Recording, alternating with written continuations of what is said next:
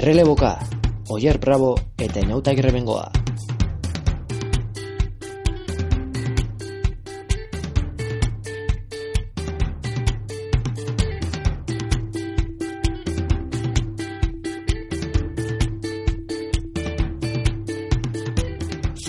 Kaixo entzuleok, ongietorri errelebokaren zazpigarren saiora, gaur ere hemen gaituzue, astelenero bezala, txirrindularitzaren gaur kotasunari errepaso sakona emateko pronto. Betiko lez, azken asteak utzitako momenturik esanguratsuen ez eh, solastuko gara, eta horrez gain, aste honetako menuaren errepasoa egingo du.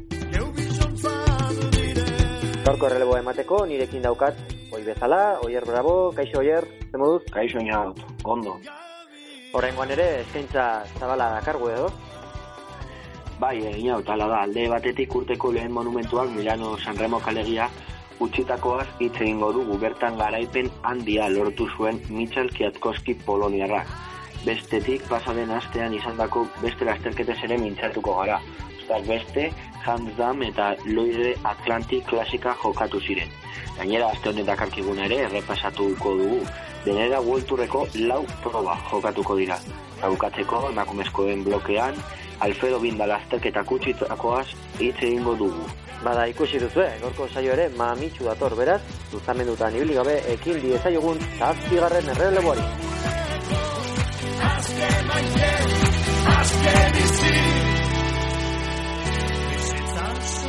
Bueno, ja, ba, esan bezala urteko lehen monumentuarekin, lehen monumentuaren analiziarekin hasiko hasiko dugu gorko saioa, Milano San Remo izan genuen larun batean, etan sorpresa handia izan genuen San Remoko kaleetan. Misal Kiatkoski Poloniarrak irabazi baitzuen urteko lehen monumentu hau. Peter Saganek poion lasterketa utzi eta gero azken kilometroetan bete eta ezin izan zuen sprintean irabazi. Bigarren gelditu zen, ala Filipen aurretik, baina esan bezala Kiatkoski beraren aurretik sartu zen elmugan oso sentimetro gutxigatik taldeko esprinta, atzeko taldeko esprinta, bos segundura ailegatu zen taldea, Kristofek irabazi zuen Gabilia eta Demarren aurretik. Ez nola ikusi zenuen zuk lasterketa bainot, baina oso oso interesgarria eta espero ez genuen bukaera batekin. Bai, batez ere azken podcastean aipatu genuen, ba urteak zirela ez genuela ikuste nola e, esprinter, esprintean ez zen amaiera bat, bia Romako elmugan, ez da, azken urteetan babeti esprintean bukatu baitzen Milano San Remo monumentua, eta ez usteko handia izan zen, eta ez usteko izan zen, ba, batez ere Peter Saganek sekulako erasoa jozulako poion gora, eta, bueno, Peter Saganen estrategia eta Kiatkowskirena bakero izango ditut mintzagai, erreleborik onena eta txakalaldiaren e, zatian edo, baina aipatzea lehenik eta baita ere, Eh, lasterketa oso geldua izan zera, ez? Zazpi ordutik gora aritu ziren, e, edo iraun zituen e, lasterketak, hoi baino gehiago, eta horren ondorioz, ba, adibidez, txipresan ba, oso mugimendu gutxi izan zen, eta multzo oso handia iritsi zen pogiora, normalean ba, multzo txikiagoa iristen zen, edo iritsi izan azken urteetan, azken e, mendatera, iruro baino gehiago pasatu, bai, bai, bai, sprinter, pasatu ziren lehenengo oso, oso arraro iruditu zitzaidan. Sprinter gehienak iritsi ziren eta hori azken batean da hori, ba, esan, esan agatik ez? Karen dizezik. Bai, hori da, sprinterrak eh, aixe iritsi ziren, ba, ritmo oso basua izan zelako ordu arteko mendate guztietan, beraz, ba, hor triskantzarik ezen izan eh, hor arte, eta orduan, ba, ba, eskerrak eh, Peter Saganek eraso kolpe hori jo zuen, ez? Bestela, ba, Milano Sanremo nahiko grisa ari ginen ikusten. Eta, bueno, e, batez ere... Hori gora, batez ere hori. zirena baita oso, oso berandu e, izan zen e, azkenengo erasoa, normalean. Bai. Edo, bueno, gutxenez gero, espero gero gertatu zen, Gero gertatu zen, pollora, polloren, polloren igoera benetan azkarra izan zela. Historiako igorarik azkarrenetako izan zen. E, horrek esan, esan nahi du, ba, ordura arte oso ritmo e, motelan joan zirela eta orduan hasi zirela estutzen benetan eta pollo benetan e, oso azkar ego zuten uste dut e, bost minutu eta eta segundo gutxitan igo zutela eta benetan e, hori marka itzela da ez? Hor e, dumolan hasi zen erritmoa bizitzen sekulako erritmoa jarri zuen eta gero azkenen ba e, dumolinek egindako lan hori ezin izan zuen probestu Michael Matthewsek elmugan bain zuzen ere batez ere hori, e, Peter Saganek erasoa jozulako eta haren atzetik ba, bakarrik e, Ala Filipe eta Kiatzowski atera ziren edo behintzat bakarrik bi hauek eutxi izan zuten Peter Saganen erritmo aldaketa hori eta ba, bueno, gero badaki guztar gertatu zen helmugan, ezta? Hor, e, laburpen egiten ari nintzela lasterketonen laburpena hemen hemen itzein izateko eta pizka gogorarazteko Tondu Molinen papera benetan ikaragarria izan zen. Bai, bai, bai. Kilometro asko eman zituen hor aurretik, tiraka, detaldetik tiraka, eta gero Michael Matthewsek amabigarren postuan sartu zen. Amabigarren postua lortu zuen merkatu. Bai, bai, bai. Taldeko bederatzi garrena. Kor Nielsen, Iguan, Viviani, Buani, Degenkol, Demar, Gabiri eta Kristofen atzetik. Ba, orain arte... eh, favoritoen azkena, ez bada azkena horreko, Asoniko Olbreli bere atzetik sartu zen, baina favorito handien artean, azkena. Bai. Eta Tom Dumolanek egin zuen lanaren, lanaen ostean. Bai, Matthews, e, bueno, eh, ez dago sasoirik onenean, orain arte agerraldirik ez du egin, sasoian zehar, sasoi asiel, asiera honetan, eta nik espero nuen egia esan Michael Matthewsek ba, e, maia honik ez ematea, eta orduan ba, agian e, garria da ez, e, Tom Dumolan jartzea hor lana beltza egiten, ondoren ma, Michael Matthewsek ez badu aprobetsatu behar. Egia esan, nire uste estrategiara ikonena izango zateken, aizun zer ere, Dumolanek erasoa jotzea, e, pogion, saganek eta erasoa jobretik, eta hola gero aukera izango zuen saganekin eta elkartzeko, eta bagaraipenaren leian e, egoteko ez bi arromako helmugan, baina, bueno, e, San Webeko zuzendariek bestelako estrategia tondu zuten, eta bezitzaien, bezitzaien ondo atera eta gero komentatzeko beste alde batetik, eskairen urteko lehenengo trenetxoa. Bai, bai, bai, bai.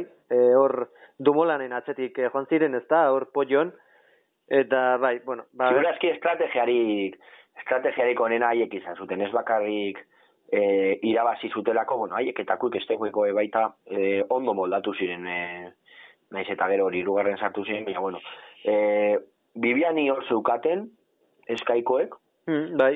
E, sprintera llegatzen bagara hor daukagu bebiani. Eta hor dauzkagu beste bi txirrindulari e, behaen aurretik bera babesteko. Eta gero bestalde batetik, ba, norbaitek erasoa jotzen badu, hor aurrean, ba, daukagu baita misalkeat koski, e, oso, oso ondo kokatuta taldearen barruan, eta eraso bat egon zenean bera aurrean jarri zen, gero iruren atzean egon zen kilometroia guztietan, azken azken metroetan baita azken, e, azken postutik e, abiatu zuen esprinta eta gero ba irabazi, irabazi zuen e, gutxi gatik egia da, baina bai. kontuan hartuta bera esprinterra ez dela eta azadan esprinter espetoa baina bai nagusietakoa bera dela, ba, irabazi zuen eta e, prestigio handiko prestigio handiko e, garaipena lortu zuen. Bai, eta gero aipatze baita Julen, Julen amezketaren lana, ez da? Hori da. Willierreko txirrendulariak berreunda irurogei kilometro egin zituen, esaldian, beste hainbat e, txirrendularirekin batera, iragan urten ere izan zen, e, Italiako errepidetan, pro honetan, eta, bueno, agian ez zuen e, horremesteko protagonismorik izan, beste gunean bai, beste gunean agarraldi polita egin zuen, kilometro asko, esan bezala lasterketa buruan, beraz, ba, ari da, erakusten julen amezketa txirrendulari handia dela, eta oker ez naiz, azkenean egun dago meratzi garren bukatu zuen, bueno, e, azkenean normala da, ez, behin e, tropelak iesaldi harrapatuta, ba, e, iesaldikoak batzen gelitzen dira, baina egunean zehar behintzat... Marka e, taldean sartu zen. Bai, hori da. Beraz, bueno, bai, bada, bada, bada, bada, emaitza polita, ez? Esan, esan dezake julen emezketa, bai, ni Milano San Remon, kabendixekin batera, sartu nintzen elmugan. Hori da, e, kabendiz kontuan hartuta, e, uste dut, e, txipresan gelditu zela, ez pogion, txipresan, txipresan gelditu zela, bai, hori da. E, kabendiz, julen amezketa orain oso aurretik zegoen, egia da, baina azkenean e, kabendiz ez denuen, edo berriro e, denboraldi hasieran erakutsi zuen ari gehiago bai, zaio, orain dela urte urte batzuk ikusi ikusi dugunarekin konparatuta ja ea hemendik aurrera ba bere forma hobetzen duen edo ze txipresan jarri zen erritmoa esen handiegia izan esan dugun bezala, e, talderik, azken urteetako talderik handiena pasatu, pasatu zuen batera lehenengo, lehenengo taldean, eta bueno, ba, kabendi sobre egoteak, ba, sorpresa handian, gero, e, bertan espero, espero genuen kale figuan edo horrelako sprinter peto peto petoak gelditzea eta kale figuanek adibidez e, pasatu zuen. Bai, amarra gainera. azkenean, beraz, bai, ondo. Hori da, oso ondo, oso ondo ikako sprinterrak, e, iguan Cornielsen mezet guztia sartu zen hor lehenengo, lehenengo postuetan, eta hor, ba, kabendiz, gelditu zen, eta ezin zuen, ezin izan zuen postu oberik lortu, ez da. Bueno, ba, hemen bukatuko dugu Milano Sanremoren analizia, eta gero baita ipatzea, ba, Milano Sanremoz aparte, ba, beste hainbat e, lasterketara izan genituela, baina e, maia apalekoak esan dezakegu, alde batetik, hostiralean jantzan klasika jokatu zen Belgikan, eta sprintean erabaki zen hau, bertan Joker taldeko Christopher Halvorsen izan zen indartsuena, eta bere atzetik Aqua Bluko Adam Blaiz, eta Uantiko Kenny De Jaes sartu ziren. Wolturreko lau talde egon ziren bakarrik bertan. Hain zuzen ere, Quick Step, Katyusha, Bora eta Loto Soudal. Eta beren ordezkariek, ba ez zuten esperotako mai eman. Izan ere, soilik Wolturreko bi txirrundulari sartu ziren topa marrean.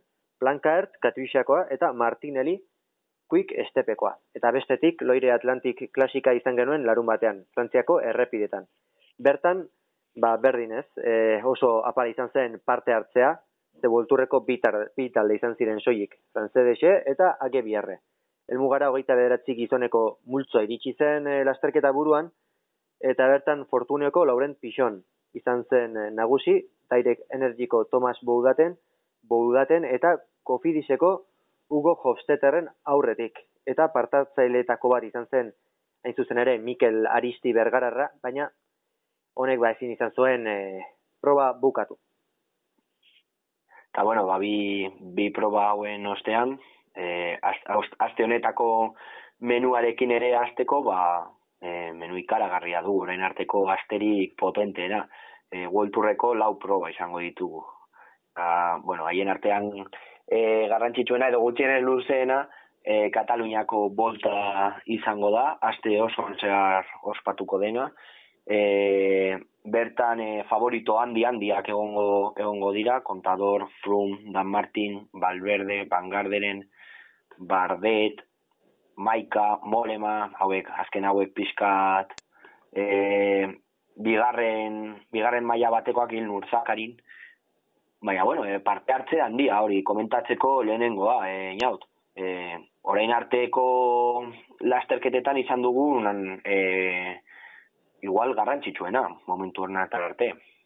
E, itzuli handiei dagokienez, ba, akaso bai. aste bateko, aste bai. bateko itzulien. Ezakit, ezakit, agian e, Paris Niza eta Tirren Adriatiko ere hor dira, eta zakit hauen gainetik jarriko nuken, tradizioniko da, bolta Katalunia garbi dago, baina bestek ere badute entitatea, eta parte hartzaletik, ba, bai garbi dago, ba, Kataluniako. Nairo Quintana, Nairo Quintana kenduta edo, eta Richie Port, ni ustez, e, turrean egongo, egongo direnak, ez?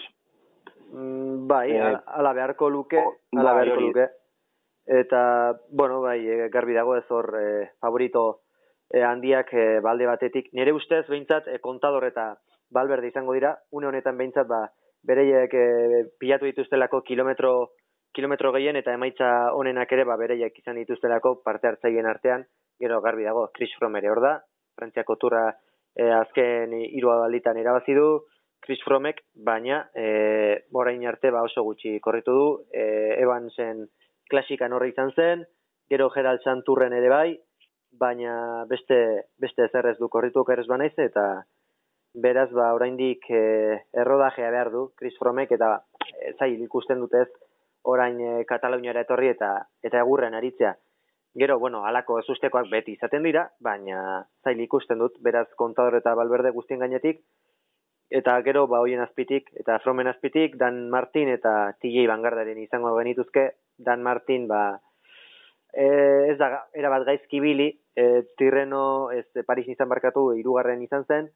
Baina e, lehenengo postuaren leian ez dut uste izango denik eta zer esanik ez ba TJ Vanguardaren ez TJ Vanguardaren ba gizon e, ikaragarri irregularra da eta ba, bat ere segurtasunik ez ematen salekapen nagusi begira. Beraz, ba, ez ustekorik ezean, e, amaierako garaipena nere ustez, behintzat, e, biren kontua izango da, gero from ere hor egon daiteke, eta hiru gizon, gizon horiek irabazten ez badute, ba, beste edo zer gauza ez sekulako ez usteko izango litzateke.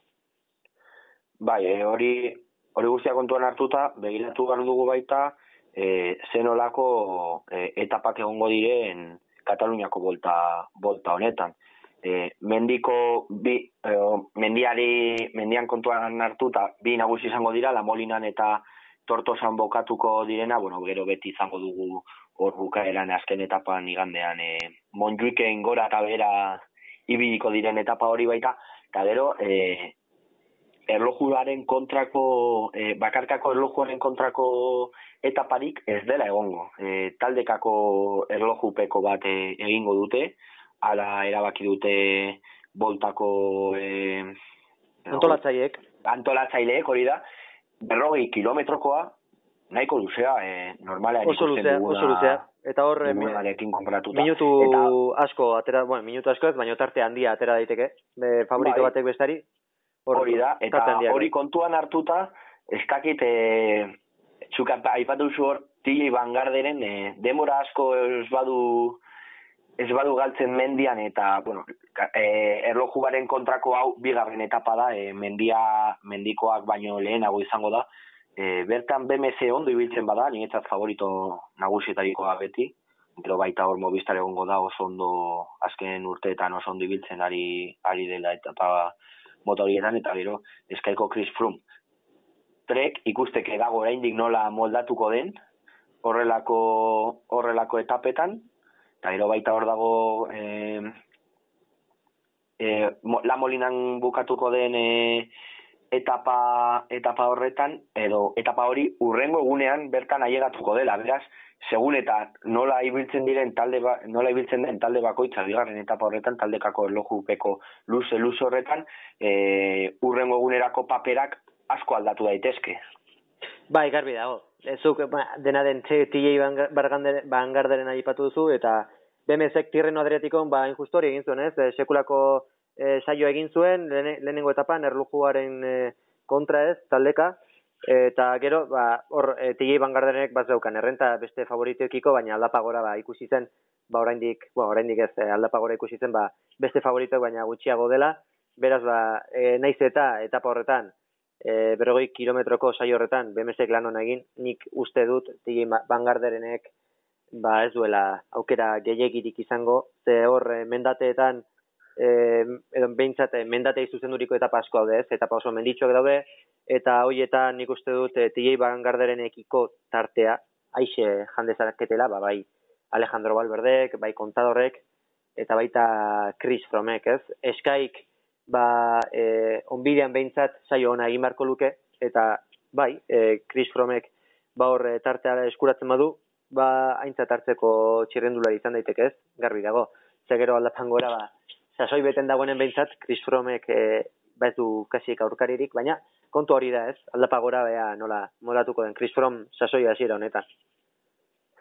Eta bueno, ja e, klasikekin joango gara, arbiretako hiru klasika izango ditugu.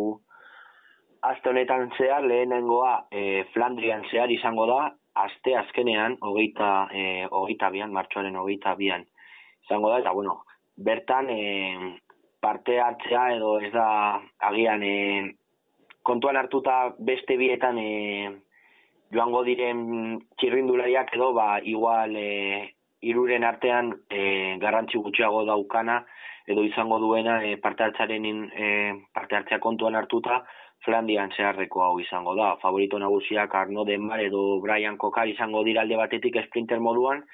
Tan baita izango dira, ba, Van Marke, Mati Bresel edo Jens Bodo de Busser ja irabazi irabazi dute Jens de Busser pasaren urtean irabazi zuen eta baita egongo dira ba Philip Gilbert Matthew Hyman izan daiteke beste beste pertsona bat edo beste txirrindulari bat e, Flandrian sarreko hau irabasteko ez dakizuk nola nola ikusten duzun. Azkenean e, hau grabatu baino lehen hitz egin duguna pizkat gainetik ez e, hiru klasika nahiko antzekoak dira e, mendate txikiak dituzte, e, batzuk oso tenteak, beste alde batetik e, arbideak, e, ez da nola ikusten dituzun bai orokorrean eta baita e, konkretuki Flandrian zeharreko hau. Bueno, Flandrian zeharren, e, bueno, hori nez pixkat e, parte hartzaien zerrenda eta ikusten, eta ba, betiko ez, ba, zenolako taldetzarra daukan kuik estepek, e, hori izango da. Beti bezala, hori. Bai, e, Filet Gilbert, e, Fernando Gaviria, Fernando Gaviria ere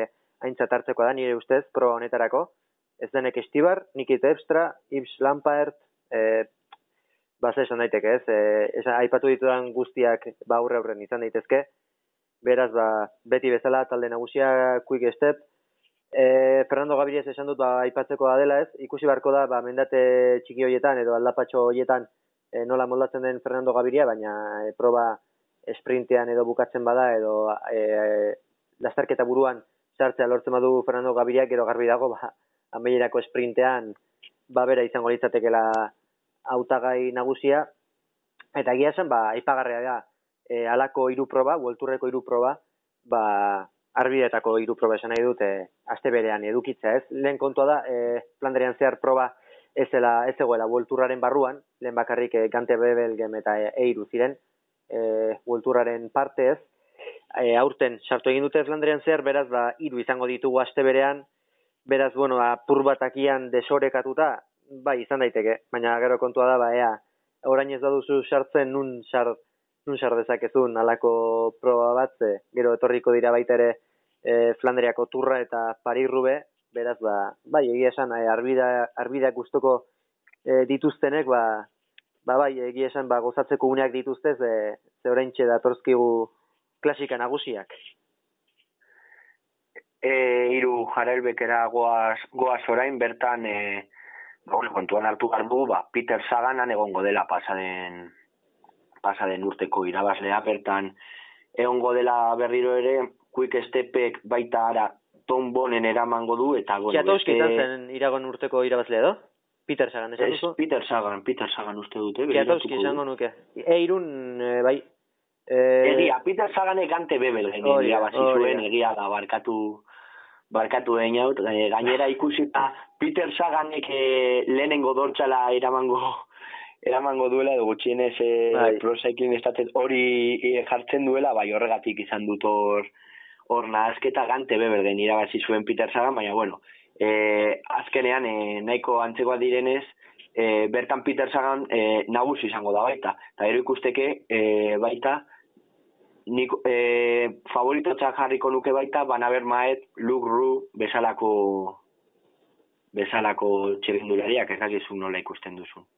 Bueno, horra ipatzea iragan urtean, ba, gogoan du nola irabazizion e, e, eiru proba hau e, kietauskiek sagani, Eta Hori, gainera e, aurreko poska, Milano... batean komentatu benuen justo kiaskoski irabazi bai. zuela Peter Sagan. Gainera, Milano Sanremoko, Milano Sanremon gertatu zen antzeko zerbait. Eh, antzeko, bai.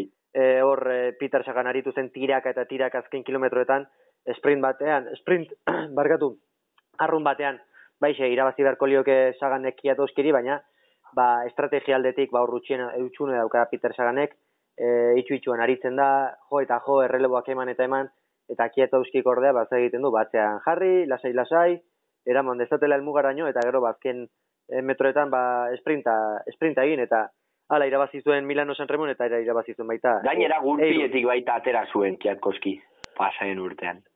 hori da, hori da, hori da. Beraz ba, e, kietuzki ere, ba, aipat, e, aipatzeko moduko txirrindulari bat baita ere, ez? Ze azkarra badela erakutsi du, mendate hoietan ere molda daiteke, esterratuan irabazi zuen aurten, e, indartxu David, alegia, beraz da aintzat hartzekoa, baita, Michel Kiadoski.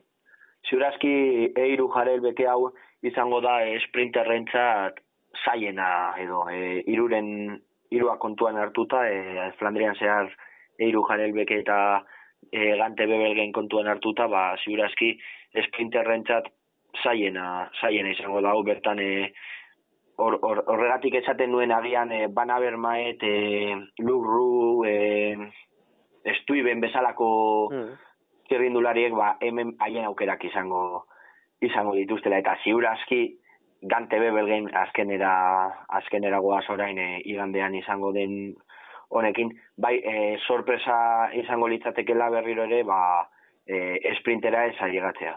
Agian ez esprinter puru-puruak izango direnak, e, ara ez dira llegatuko adibidez ez dakite e, kabendiz bat ez du ez da favorito horrelako batean, baina bai Gaviria, Demar, horrelako... Kristo eta Degen e, Kristo, e, erasor, atzetik erasorik baldinez, baldinez badago, ba, haiek izango, izango direla e, favorito. Bai e, Flandrian zeharren eta bai honetan. Eiru jarelbeken izango dira baita e, gehiago espezialisten txat. Bai, baina alakoetan beti gertatzen da ez, e, eraso bat e, e, jotzen denean, favoritoen artean, e, hola, e, leia dagoenean eta mokok aritzen direnean, hor, e, multotxo bat e, sortzen bada aurrean, eta tartea, ba, tarte pixka bat sortzen badute, e, hor beti izaten da leia eta aukera ez, e, talde txikientzat beraz, esprinta ziurtzat inoiz ezin daiteke eman, eta gainera, ba, bueno, e, mendat... Ikusi eta San Remon ikusi, ikusi guna gainera. Bat ez, bai, hori da, hori da. Eta aldapatxo, ba, politak eta betikoak ez, e, gante webelgenen, eirun ere antzekoak izango ditugu, ba, dibidez, e, Kemelberg, batez ere Kemelberg, e, aipatuko nuke ez, hau da, e, hain zuzen ere, igoko duten azkena, bi aldi zuzteut igoko dutela Kemelberg, eta erabaki garrea izan daiteke, e, iragan urtean uste dut, e, Peter Saganek ere hor erakustaldi eman zuela, eta ondoren ba, e, sartu zen, e, okeraz benait, ba, markerekin, e, batera kuznetxobekin eta kantxelararekin. Elmugan eta gero esprintan ba, Peter Sagan izan zen garaie, baina egia esan, Peter Saganek ibilbide badauka bere, bere jokoa egiteko, gero ikusi beharko da, estrategia kontuak eta nola eramaten dituen, baina e, teorian behintzat, e, favorito nagusi nagusi agian Peter Sagan, ez? Baina hau gauza berri ere ez da. Hori da, beti, beti aipatzen dugu Peter Sagan, baina bueno, gero nagusitasun hori Erakutsi behar hori da, hori da. Bueno, ba, gizonezkoen... Hori da, jarraituko dugu, hau errepaso hau eman eta ero.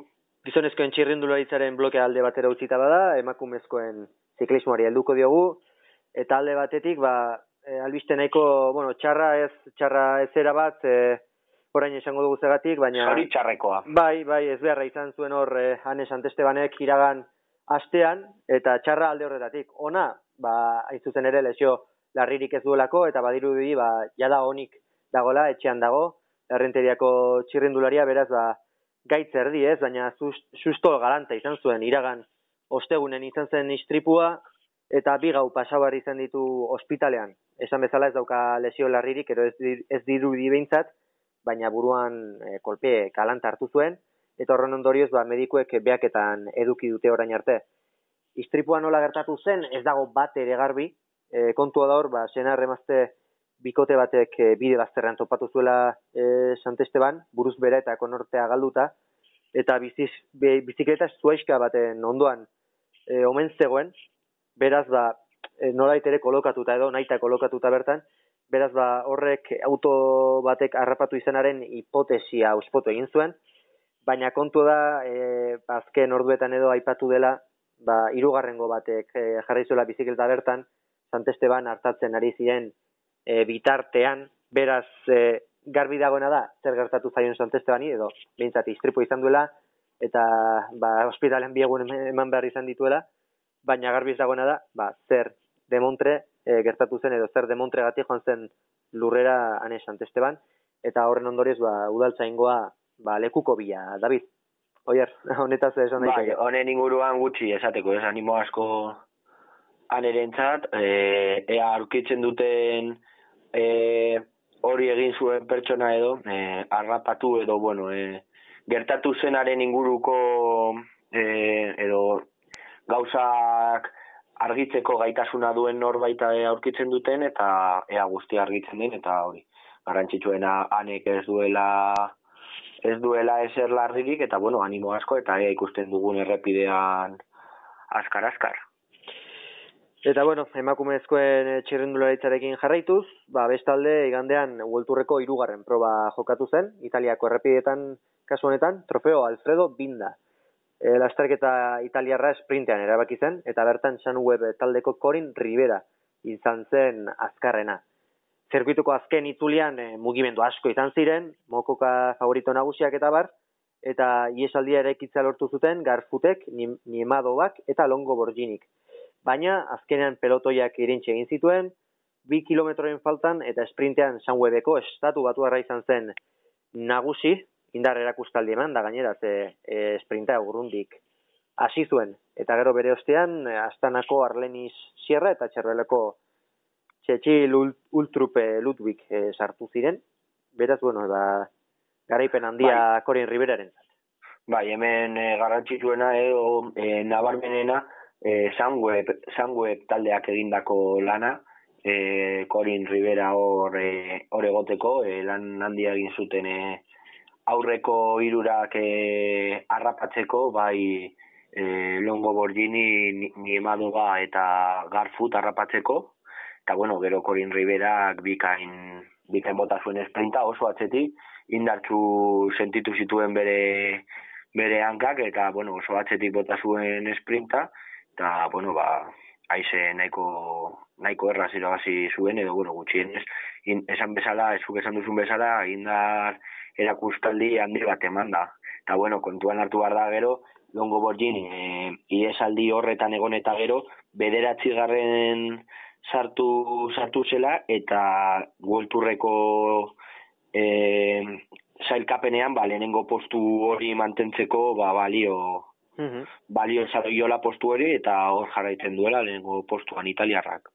Bai, eta gero baita ipatzea, e, baita ba, e, setiemana txiklista, ziklista valentzianatik etorri diren txirrendulariek, ba, indartxu, eldu direla, eldu direla edo bintzat indartxu aritu zirela e, proba honetan, ze Ludwig e, Trofeo Alfredo Binda, lehenengo, lehenengo egin zuen e, Valentzian, eta hirugarren e, Italiako errepidetan, eta gero, bigarren izan zen Arleni Sierra, Valentzian, eta bigarren baita ere egin zuen e, txirrendulari honek, astanako txirrendulariak e, Alfredo Binda lasterketan, beraz da, adieraz garria ez, e, ba, zuzen ere, podiumean izan zirelako bi txirrendulari hauek Valentzian, eta baita ere, e, Alfredo Binda trofeoan. Hori da, ba, ondo baderitxo zu aurrera begera emakumezkoen gante bebelgen, gante bebelgen ni buruz egiteko. Hori da, izen, izenak ez dira errezako jaita, aipatzea ba gante bebelgenek e, laugarren eta eskerrak e, Flandrian zehar eta hola itzultzen ditugu ba, euskera bai, bai, bai, eta hola bai, bai. izan behar ditu gero beste atzuk ez ditugu ez ditugu itzultzen Besterbel eta eta bar eta hoiek ez dira inerrazak baina bueno. E, besterik gabe ari nitzen esaten ba hori e, aurtengo gante bebelgen e, ba proba honen laugarren edizio izango dela.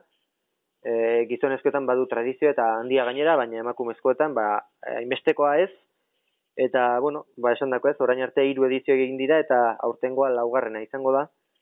Eta, bueno, e, orain arte arbideak nagusi izan dira emakumezkoetan, eten alditxo bat izan da azken astean, eta orain berriz ere, ba, arbideen txanda izango da, beraz, ba, e, parada izango dugu, ba, proba ikusgarri hau ez e, gozatzeko.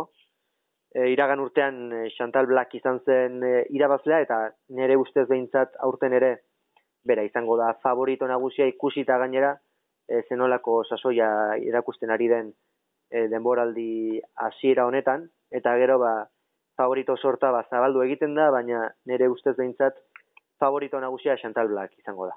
Zuko jartze ze uste duzu? Ba, ni e, lasterketa honetarako hiru hiru gauza puntatu da nituen edo esateko.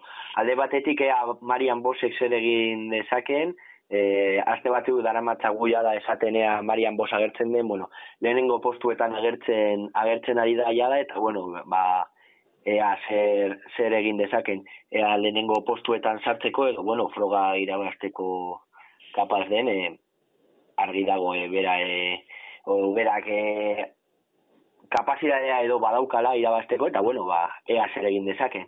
Bestalde batetik, ameli diderik zen e, munduko txapelduna, e, e, pasaren astean irabazi irabazi eta gero eta bueno ikusita baita e, forma forma honean datorrela ea ze paper egin dezakeen munduko txapeldunak eta bueno gero Seila Gutierrezek ba e, baita e, postu honak lortu izan ditu baita irabazi du oraindik ez volturrean baina bueno e, arbietako froga bat irabazi du eta bueno ea kapaz den honetan ere bere maila mantentzeko Bai, eta gero baita aipatzea, ba, Euskal ordezkaritza izango dela, talde aldetik behintzat, ze Bizkaia Durango bertan izango dugu, baina e, lointek ordea ba, ez da izango ez. E, garbi dago lasterketa hauek ba, ez direla lasterketa honenak euskal taldentzat, baina bizkaia bintzat saiatuko da bertan zerbait egiten edo?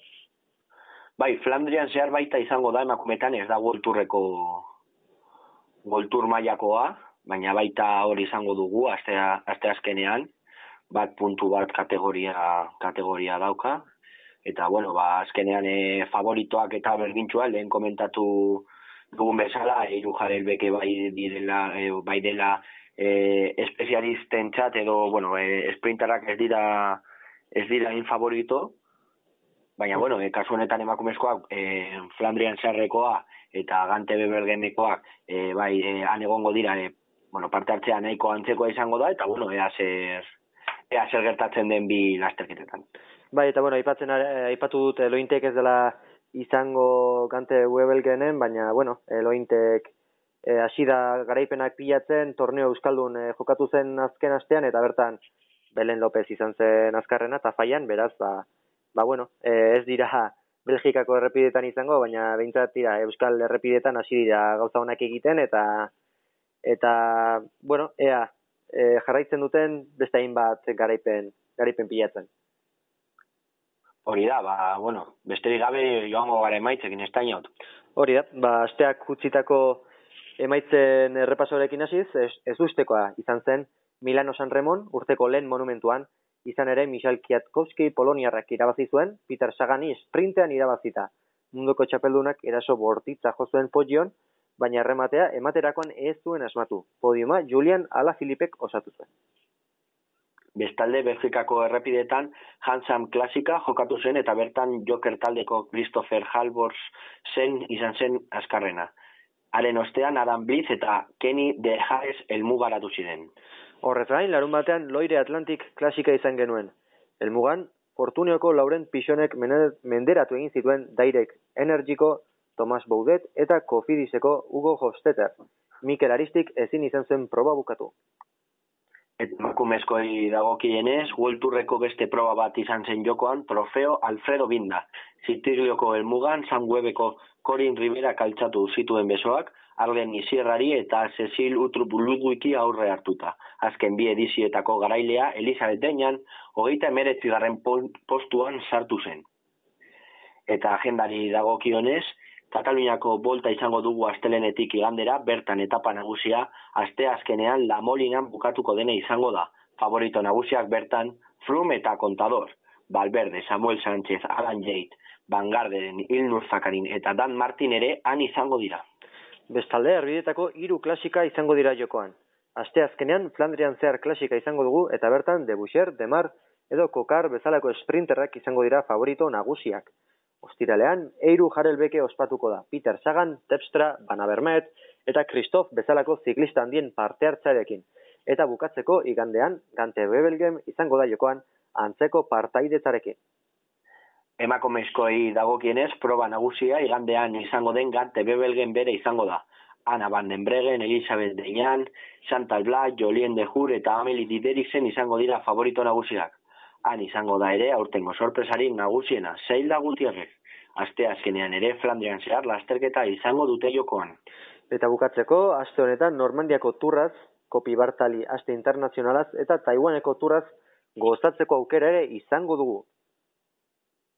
Eta bueno, ja, bukatzeko beti bezala, erreleborik onena eta txakalaldia. Zurea, zurea ja da aurreratu duzu lehen, osea que... Bai jauna, bai jauna. Ba, honekin erreleborik onena e, aste honetan Kiatkowskiren estrategia eman diot, bain zuzen ere, ba, asti, earitu zelako Poloniarra beste bain ere, hiru txerrindularik egin zuten aurrera, Pojoren ostean, e, Kiatkowski berak, Ala Filipek eta Saganek, eta ba, nor jokatu zuen aztien, bain zuzen ere, irabazleak e, Kiatkowski berak, une oro irugarren izan zen, zuk eipatu duzu ez, multzo horretan, beti atzeatzen jarrita, e, indarrak e, gordez, ez zuen indar xauketarik egin inondik inora, eh? Hor, esan daiteke, saganen eh, kontrako estrategia erabilizuela eta emaitza ikusita, ba, esan daiteke estrategia zuzena izan zela. Ze gero, ba... Erreleborik onena, berez zaganek eman zuen. Osea, kilometro askoko erreleboa. Gero azkenak asko eskik eman zuen, eta orduan irabazi zuen, baina. Honena ez dakit, a, luzena, luzena bai. luzena bai gutxienez. Luzena, baina luzen eta honena ba, askotan ez datoz bat.